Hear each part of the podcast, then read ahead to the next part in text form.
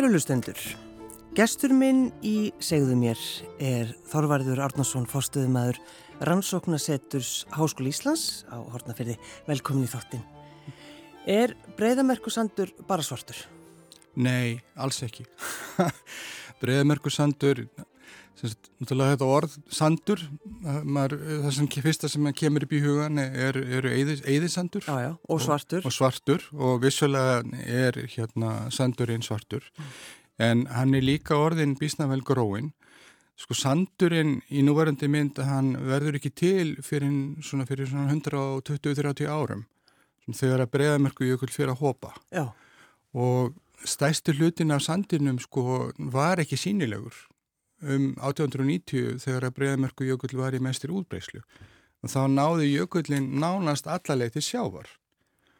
Og þannig að allt sem er unni fyrir aftan þessa hérna, öldur mm. eða, eða jökulgarða, þess að fremst jökulgarða, það er bara glænýtt land.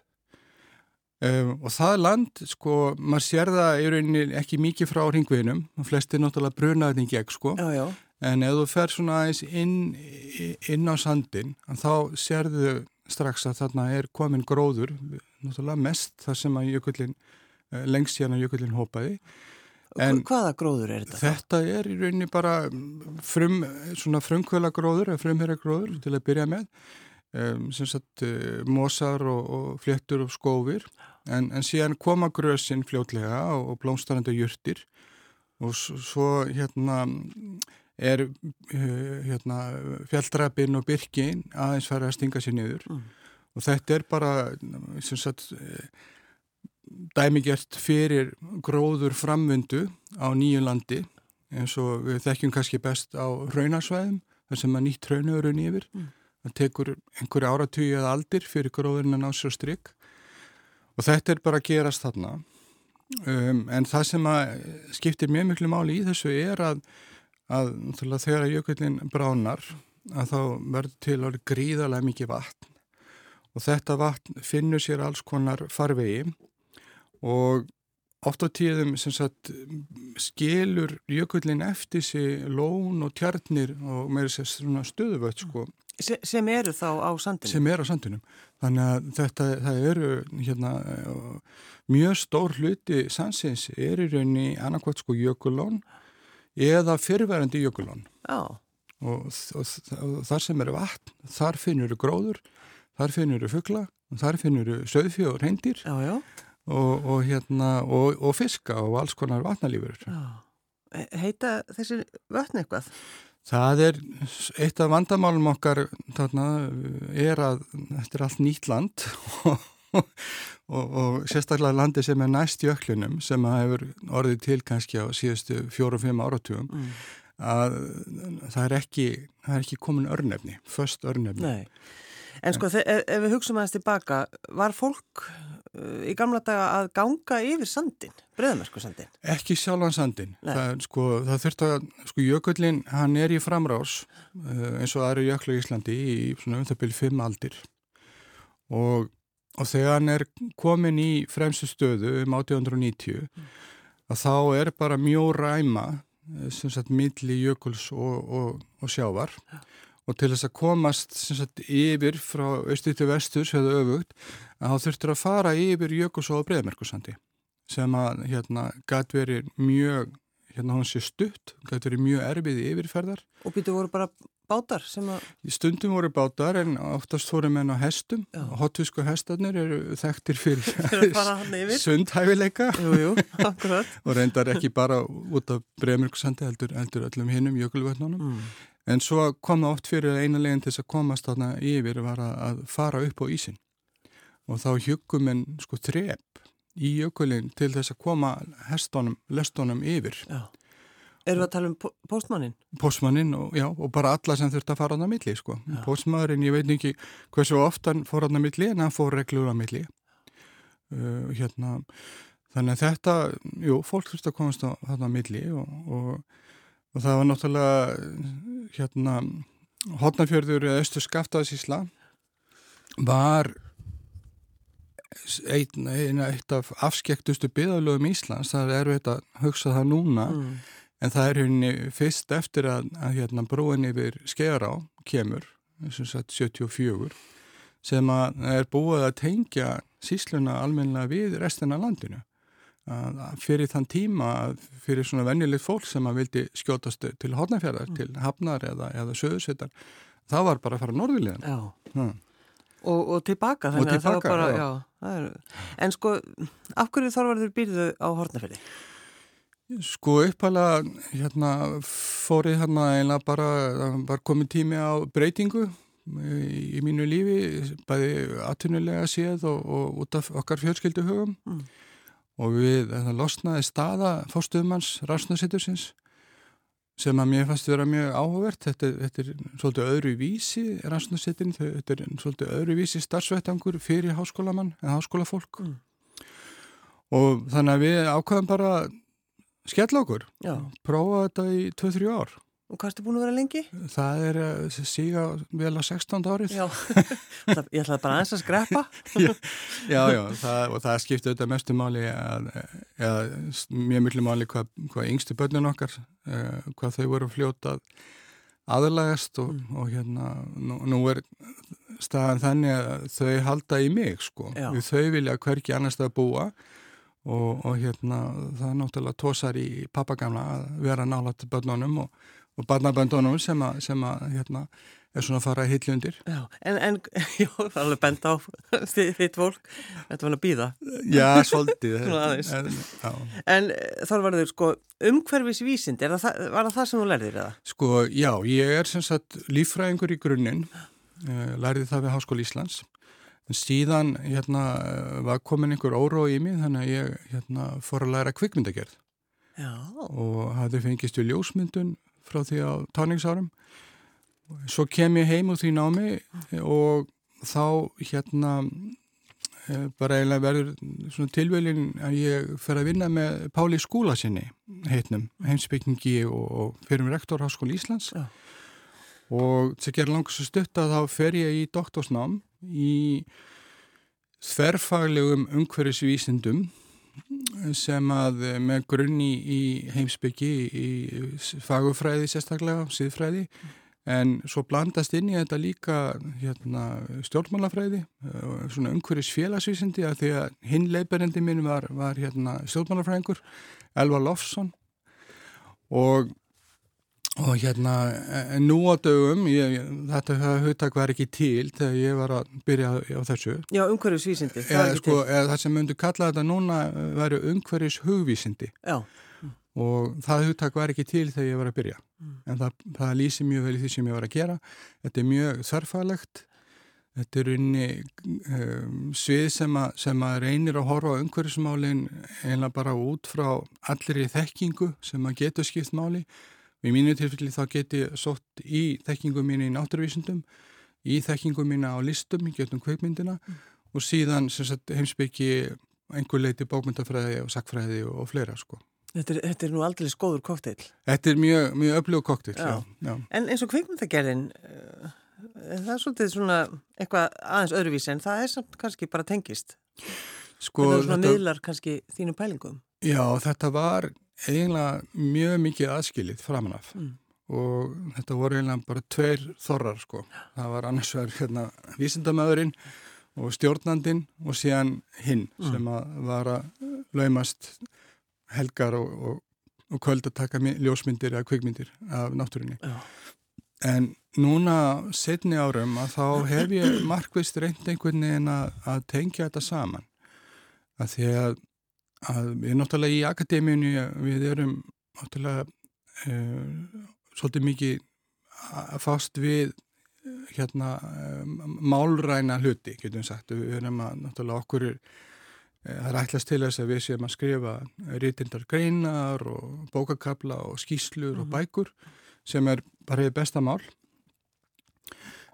en fyrir mann eins og mig sem að, sem að hérna er með þetta sjónræna element, getum sagt að þá þá langar mann að, að reyna að, að, sagt, að nota þessa þekkingu sem maður hefur í sjónrænum miðlum inn í, fá, fletta það inn í rannsónastarfið og það hef ég hérna, verið að gera, núna svolítið markvist, síðustu þrjú fjóra árin og vendipunkturinn hjá mér í því var samstarfið ungan skota, eh, Dr. Kieran Baxter, sem að, hérna, einlega maður segja rak á fjöru mínar, hérna, hösti 2016 og við fórum að vinna saman og, og hérna, Uh, og, og uh, erum búin að skila af okkur einni mynd sem heitir After Eyes hún kom var frumsinn núna í mars.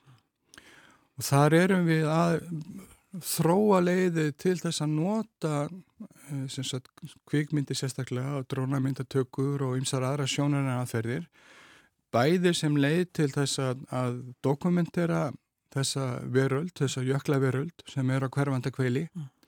og mun heyra sögunni til eftir 100, 150, 200 ár ef ekkert breytist. En um leiði líka að skoða leiðir til, til miðlunar og, og líka vonandi að því við erum í góðu samstarfi við jöklafræðinga að þetta myndefning geti nýst sem gogg inn í, í rannsóknir jöklafræðinga. Þannig að það má segja að ég er að reyna að loka hringnum, ég er að reyna að verða heill aftur. Og ekki svona mikið kleifhugi eins og ég hef verið. Nei, e, ef við tölum að þessum sko þessi friðlistu svæði, uh, við segjum já þetta er friðlist svæði, svo er það ferðamenninir, mm. hvernig eigum við að, hvernig getum við unnið með þetta? Já, sko, kannski að fyrir að fyrsta þá þurfum við að átt okkur mikið betur á því hvað ferðarhunistan skiptir okkur miklu máli sem samfélag mhm. -huh. og, og sérstaklega fyrir okkur sem eru sem eru mútið á landsbygni oh. og Hotnafjörður er skólabokadæmi um þetta þetta er náttúrulega upphæðlega landbúnað samfélag um, síðan verður til Þorp, höfn þarna kringum það sístu aldamót. Elsta hús eða höfn er frá 1897 og þá verður til sjárótið samfélagið sem er ríkjandi semst framan af 2000-öldinni og núna síðustu kannski tíu árin og þá hefur sagt, ferðarþjónustan komist upp að hlið sjárutöksins og, og jáfnvel, sem sagt, er ofni jáfnvel öflugri aðtuningrein um, og en rauninni bara bætist rauninni bara ofan á þessa flóri sem fyrir var mm. og og það vil þannig til að, að hotnafjörður er þannig starfsettur að við erum hann bara steinsnar frá vatnaukusþjókari og það er alveg ljóst að, að ástæðan fyrir því að ferðamenninir koma til, til okkar, þetta miklu mæli það komu þegar að mest var um 850.000 manns ellendi ferðamenn að Jökulsálóni 850.000? 850.000 og allir sem koma að lóninu bara mistu andan. Já, er bara, þetta er bara þannig staður. Já. Þetta er bara, wow, veist, það er bara orð sem maður heyrir. 850.000? Og, og það sem er er að þessi ferðamenn voru að koma allt ára umkring. Að það fyrir svona 6-7 árum að þá, þá hérna fóru að vera mikill Já, getum sagt business í kringum hérna náttúrulega Ísalla mm. í Breðmerkujökli og það var, þegar að mest var þá fóru 80.000 manns í Ísallaferð yfir 5 mánuða tímabil. Og þetta skiptir gríðarlega miklu máli, þetta er náttúrulega þýðir það sko þessi heilsásferðhjónsta sem er alltaf verið að kalla eftir. Mm. Og það er, hún skiptir svo rosalega miklu máli að því að, að þá geta fyrirtækin sko gert miklu betri áhællanir, þau geta sem sagt eh, ráðið fólki heilsásstörf Þau geta ráðið millistjórnundur til þess að taka svona álægið af hérna, eigandunum og, og bara sagt, búið til miklu hérna, skilvirkari og betri áallanir og skapja miklu betri rekstarform. Þannig að við erum svona pælið þessari nýsköpun í færðamennsku í tengslu við þessi friðlistu svæði og við verðum náttúrulega að hugsa bara hva, hvað getum við gert? Já. Þú veist, megu við, getum við senda allavega, þú veist, Veist, nei, alls ekki sko við, við það, er ekki, það er ekki bannað. Nei, nei, það geta allir farið á þessu frilisti svæði. Sko frilisti svæði á Íslandi með örfámyndatekningum eru bara opinn almenningi og þar með talið ellendu ferðamennum og það sem að sko eh, komur ellendra ferðamanna til Íslands skapa þjóðabúðinu gríðilega tekjur. Og ég er ekki með nýjustu tölunar náttúrulega kemur heimsvaturinn þann inn í mm -hmm. en ef ég man rétt að þá voru samtök ferðarhjóðstunnar búin að slá að það að, að tekjur þjóðabúsins af veljendu ferðarmannum árið 2018 hafi verið einhverjir 400 miljardar þetta er allavega eitthvað af þeirri starðegráðu og auðvitað kostar rekstur frísta svæða eitthvað en á hinbúin ef við hugsaum þetta þannig að það eru þessi, það er Íslands náttúra þar að með sko freylistu svæðin það sem að eru innviðir hérna og starfsfólk til þess að taka á móti þessum ferðamennum og þessir freylistu staður eru yfirleitt stopnaður í kringum okkar helstu náttúruperlur. Svæði sem við þurfum að, að, að reyna að stýra umferðinni og hafa eftirlit með henni.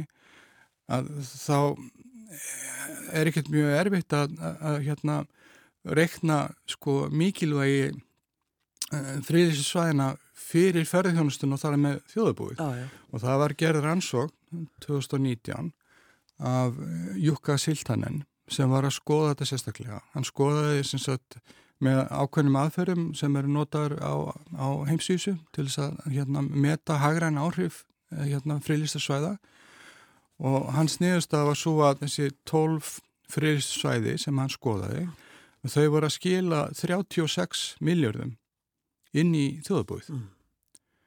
og bara út frá eislunni sem að hérna hjá ferðamennunum sko sem tengdist þessum heimsóknum þannig að þetta, þetta er vand með farið vissulega uh, en, en, en það sem að svo var, var, voru við Jukka og, og fleiri við vorum uh, unnum aðra rannsókn árið setna um tengsl náttúruvendar og byggjathrónar og í stuttu máli sko þá það var mjög skýrt sko eitt af því sem við gerðum var að skoða allar ofinbæra áallinir og stefnumál. Og það kom í ljós algjör algjört sambandsleysi á milli sagt, náttúruvendar og byðamála sagt, á, á báða vegu. Þú veist náttúruvendar ákveðin voru ekkert fjallum um byðarhlutverk fyrir þessu svæða og beðamálinn voru ekkert að horfa á, hérna, hlutverk frilsasvæða og svo vantaði líka tengingu sko, bæði frá náttúruvendinni og, og beðagerunum við ferðarþjónustuna og þess þetta er bara allt saman hluti af sama pakka og ferðarþjónustan ferðarmenninir, þetta er brúin þarna milli mm. og já, þannig að já. En þegar, þegar þú gerðir uh, þú gerðir ljósmyndabók um Jökulsalón Þorvarður og hérna eh, talandum þú veist að, að það er í stöðuri það er bara stöðugbreyting er Já. ekki bara hver skipti sem kemur? Jú, jú það, það er náttúrulega Jökullin hopar mjög hrætt uh, sko í Breiðamörku jökull er sá skriðjökull í Íslandi sem hopar hraðast. Og það er að hluta til tengt því að, að hérna, jökulsalóni uh -huh. uh, og því að að sjórin sko það gætir sjáarfalla í jökulsalóni sem að gerði það líka einstakta á Íslandi og mjög fákjátt á heimsvísu. Að þetta er ekkert svona dæmigjört jökulón sem satt svona sterilt og ískallt því þarna flæðir inn heitur sjór uh, tveisar á dag. Og, og aðstæður eru þannig að, að sjórin hann fer niður á botnin og fer síðan eftir botni jökulsálóns alveg þanga til hann mætir sko jökulstálinu sem er 8 km fyrir innan brúna núna. Og þar sagt, kemur hlýsjórinu upp og þarna verður blöndun en líka að því að sjórinu fyrir neðan hérna jakana sem fljóta á lóninu og fyrir neðan sagt, jökulstálið að þá bræðir sjórin flýtir hann fyrir bránunni mm. bræðir þá í rauninni neðanfrá Þú talar um jökulstáli? Já, þetta er huttak sem ég kynst sko. Þetta er unni hérna, staðurinn það sem að, að hérna, fremstil huti jökulsins, það sem að hérna, þessu tilfelli sem að kelfur inn í hérna, lónið. Já. Og þetta er, já, ég, þetta var einnig mjög skemmtilegt að ég var að skoða þetta huttak en, en þegar maður stendur upp í jökulstálið þá skilum við þetta huttak alveg. Já, það þarf að koma, komast hanga. Já. Já. Um, Sko að því að þú talar um þetta, þú ferði heimilda myndagerð og, og, og tekur þessa, þessa ljósmyndar af Jökulsalónu og gerur út bók. Það er sem sagt ný heimildamind sem verður frumsynd núna bara á fyrstægin, eða ekki, Þorvarður? Jú, það... Hinn hin stóri samhljómur sandsins? Hinn stóri samhljómur sandsins. Þetta er nú þvílingur titill. Já, við takaðum fram að... Þetta er heimsbyggingurinn eða hvað sem Nei, að þorvarður? þetta er, skal ég segja, er hérna, hérna jökla jærfræðingurinn Snævar Guðmusson á Náttúrustofu Suðaustaland sem á heiðurinn af þessu. Hann var hérna einn af sastafsmönnum mínum í vinnu við gerð stjórnunar og vendaráallunar fyrir Breiðamerkusand og hérna Snævar þekkir Breiðamerkusand hann þekkir hverja þúfu og, og hann er búin að lappa hann um og kortleggja uh, sandinn uh, hvar jökullin var að mismöndi tímum og hvar landformin eru og hann hefur verið að finna hérna, uh, hérna gróðuleifar og steinkerfing á flera en uh, og, og þetta er sko heimildimindin sem slík, hún er, er hérna saminuverkefni okkar Gunnlaugs Þós Pálssonar uh, kveikmyndalegstjóra á framlegenda uh mhm. -huh. sem eh, meðal hann skert sagt, Jöklaland og líka hérna myndinu um Ekkert Pétursson og við gulli kynntumst sko um eitt á sandinum þegar hann var að vinna hérna að Jöklalandinu þá var ég þar með, með hérna hópi kollega minna við vorum að, að hérna, vinna rannsóðverkefni, þverfælegu rannsóðverkefni uh. á sandinum og Gulli kom hann til okkar og var að mynda okkur við þessa vinnu og síðan auðvitað við bara vinnir og hérna um, okkur dreymur um að, að gera mynd um uh, vatniðjökul í heilsinni og þar með talið vatniðjökul stjókarð og allt það og og þetta, þessi mynd er svona hugsuð sem svona pilot eða kynningamind fyrir þetta stóra verkefni. En þetta er líka sjálfstætt verk.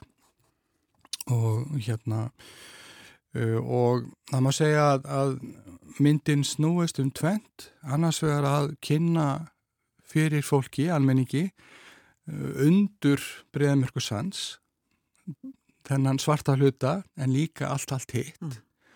Það, og hérna og svo hérna eh, hitt stóru atriði er svo eh, áhrif lofslagsbeitinga natúruna lofslagsbeitinga á þetta stafbundna svæði mm. sem er í stöðuri breytingu og þetta er eitthvað sem að þú hefur eflaust áhyggjur af Já, ég, þetta er náttúrulega Svo ég sagði áðan að þá er breyðamörku jökull sá íslenska skriðjökla sem að hoppar hraðast Já. og hefur þar að leiðandi líka að hoppa mest eh, frá lokum svo kvöldu litlu ísaldar og það sést nú að því að, að það er núna eh, sagt, jökullin hann var nýðu við brunna sem sagt um 1890 Já þegar hún var Já, áður nú að byggja sko, það sem er brúin í núna, bara til þess að gefa að því fólk þekki brúna sko, já, þar var jökullin. Hann var bara þar, þar sem að brúin er já, í dag. Já. Það er svolítið áhört fyrir fólk að vita það þegar keirir yfir, yfir, hérna, yfir brúna. Já, og, og, og lónið sjálft sem er hérna fyrir norðan brúna, að það fer ekki að örla á því fyrir upp úr 1930. Þannig að allt jökulsalón sem að núna er já, 8 kilometra cirka lengt frá, frá brú að eina stáli og, og svona eftir mér samt hvað það er breytt. Það er alltaf 280-300 metrar djúft þetta er svona svo dýsta stöðu vallansins að það hefur allt orðið til á já, síðustu 90 árum. Mm. Og þá hugsa maður, það er rauninni ekkit langur tími? Það er náttúrulega, það er bara réttrumlega mannsaldur. Já, það er ekki neitt. Það er ekki neitt.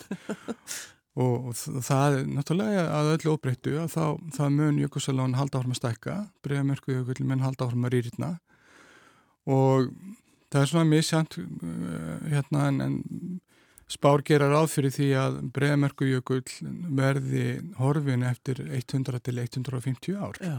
Svona aðra, kannski rúmlega, eftir rúmlega tvisum lengi tíma frá þetta byrjaði. En hvernig er það fyrir þig sem svona uh, profesor? Er það ekki... Er það ekki Jú, ég er, ég er rannsvotna dósend. Já, já, maður þarf að hafa þetta rétt. já, ég bara glemt að spyrja það út í það. En sko, það að, að sjá landslægið sem að uh, kemur undan þegar að jökull hopar, er þetta eitthvað svona sem bara er, sko, fyrir þig bara stórkostlega upplifun? Að sjá hvaða er sem vaknar? Þetta er mjög, mjög hérna, maður hefur mjög blendan tilfinningar. Uh, annars vegar er söknuður og eftirsjá uh, af jöklinum sjálfum uh, því ég er orðið mjög hændur jöklum á þessum tíma og Já, við veitum líka hvað er mikilvægt að þeir séu. Já, það er þetta, þessi vitundum, sko eins og ég, hérna, ég er oft spurður að því, sko, hérna, þess að ég lendi í viðtalið við frétta mér frá Tævan í fyrra. Já. Og, og, og í núna var ég viðtalið við frétta mér frá Ástralíu og svona og, og þau spyrja mér, já, hvað gerir jöklana svona merkilega? Þú veist, 99% mannskynns veit ekki hvað jöklar eru. Nei. Akkur er þið alltaf svona eitthvað æst út af þessum jöklum? Út af þessum jöklum. og, og hérna, ef ég reyna að horfa á þetta svona frá aðeins stærra samingi, ja. þá, þá eru, er bránun jökla, þetta eru svona, sko, viðvörunabjöllunar sem að glemja hæst akkurat núna. Mm -hmm. Þetta eru skýrustu merkin, eða meðal skýrustu merkjana sem að við sjáum í náttúrunni um það hvað er að gerast í jarðakerfunum hvaða áhrif náttúrann lofslagsbeitingar eru að hafa ekki bara á, á, á hérna, lofslag og veðufar heldur á, á hérna, raunin bara allt í kringum okkur.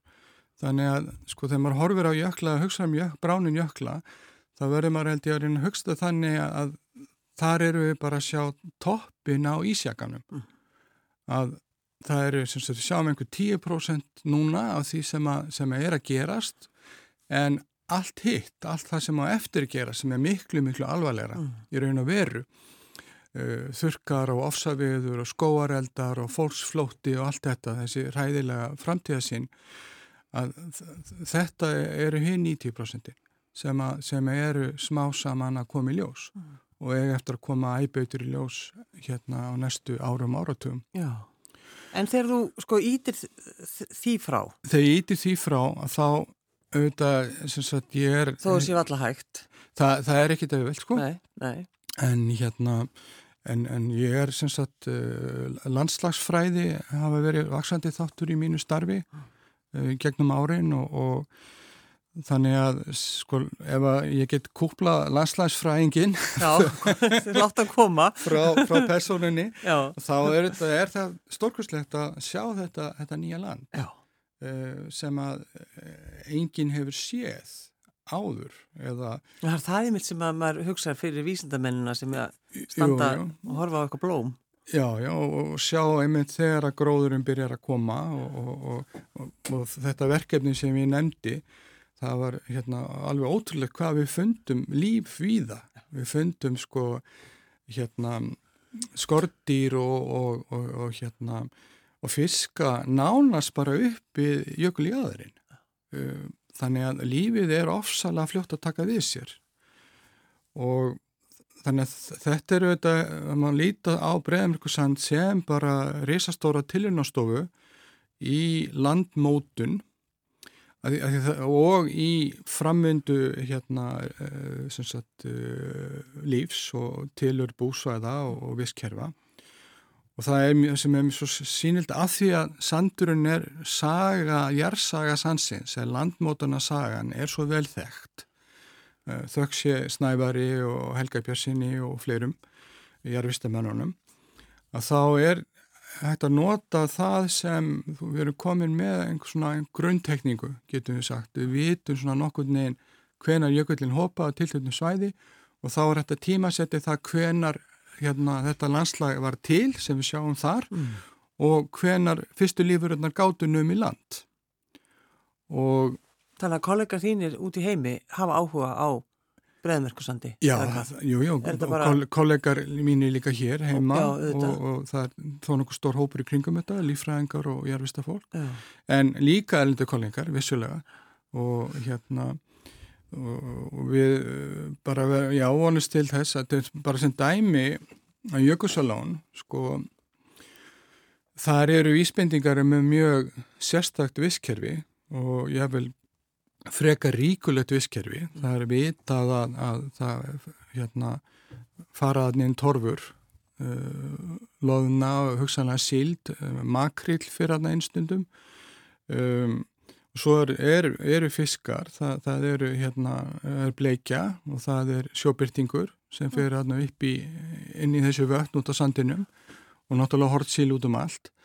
Svo eru selir og við erum með eitt stærsta selalátur, landselalátur landsins á Breiðamerkursandi mm. og þess selinir eru inn á Jökulsalóni allt ára umkring. Þannig að þetta hefur ekkert verið rannsaka. Nei.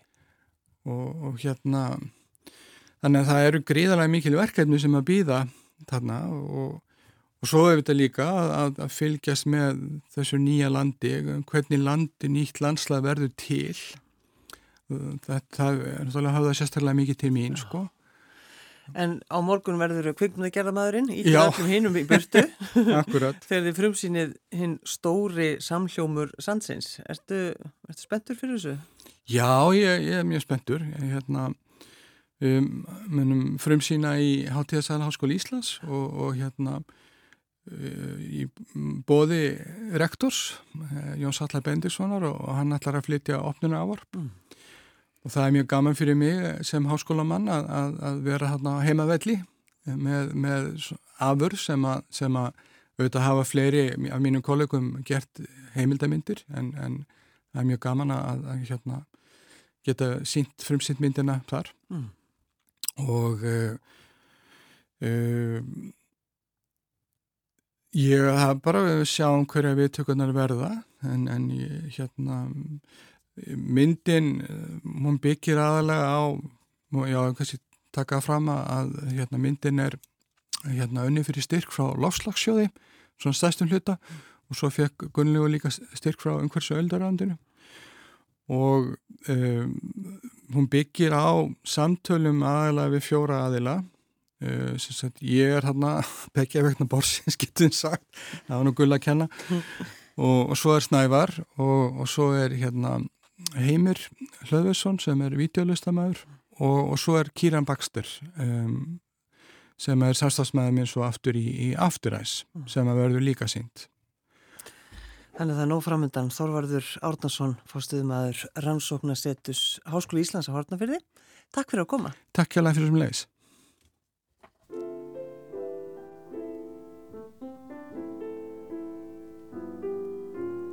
Autumn in New York Why does it seem so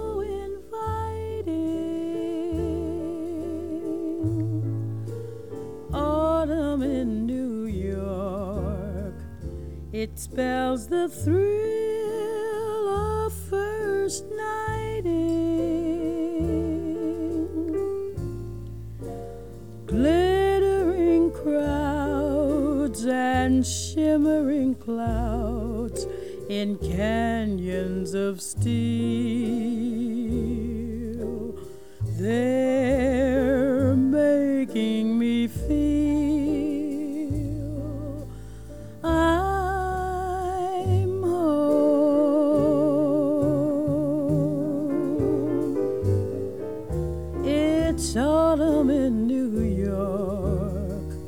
that brings the promise of new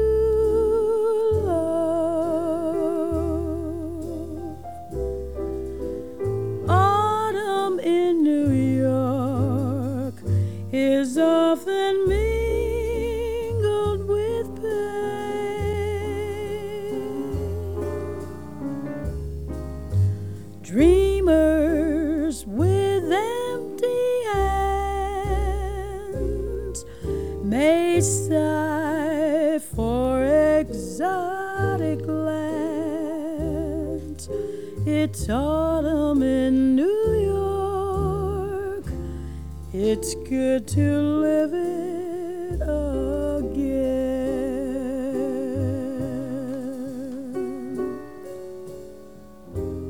Autumn in New York. The gleaming rooftops at sundown.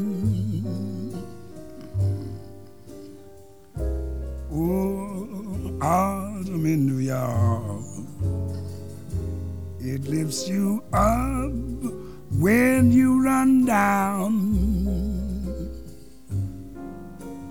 Yes, jaded ways and gay divorces who lunch at the Ritz will tell you that it's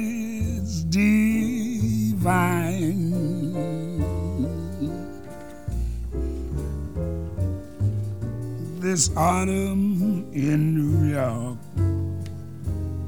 transforms the slums into Mayfair.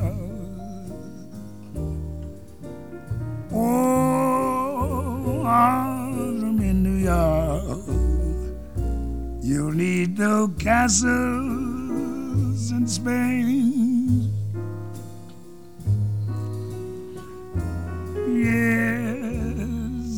Lovers that bless the dark Oh, on the benches in Central Park. Great autumn in New York. It's good to live it again.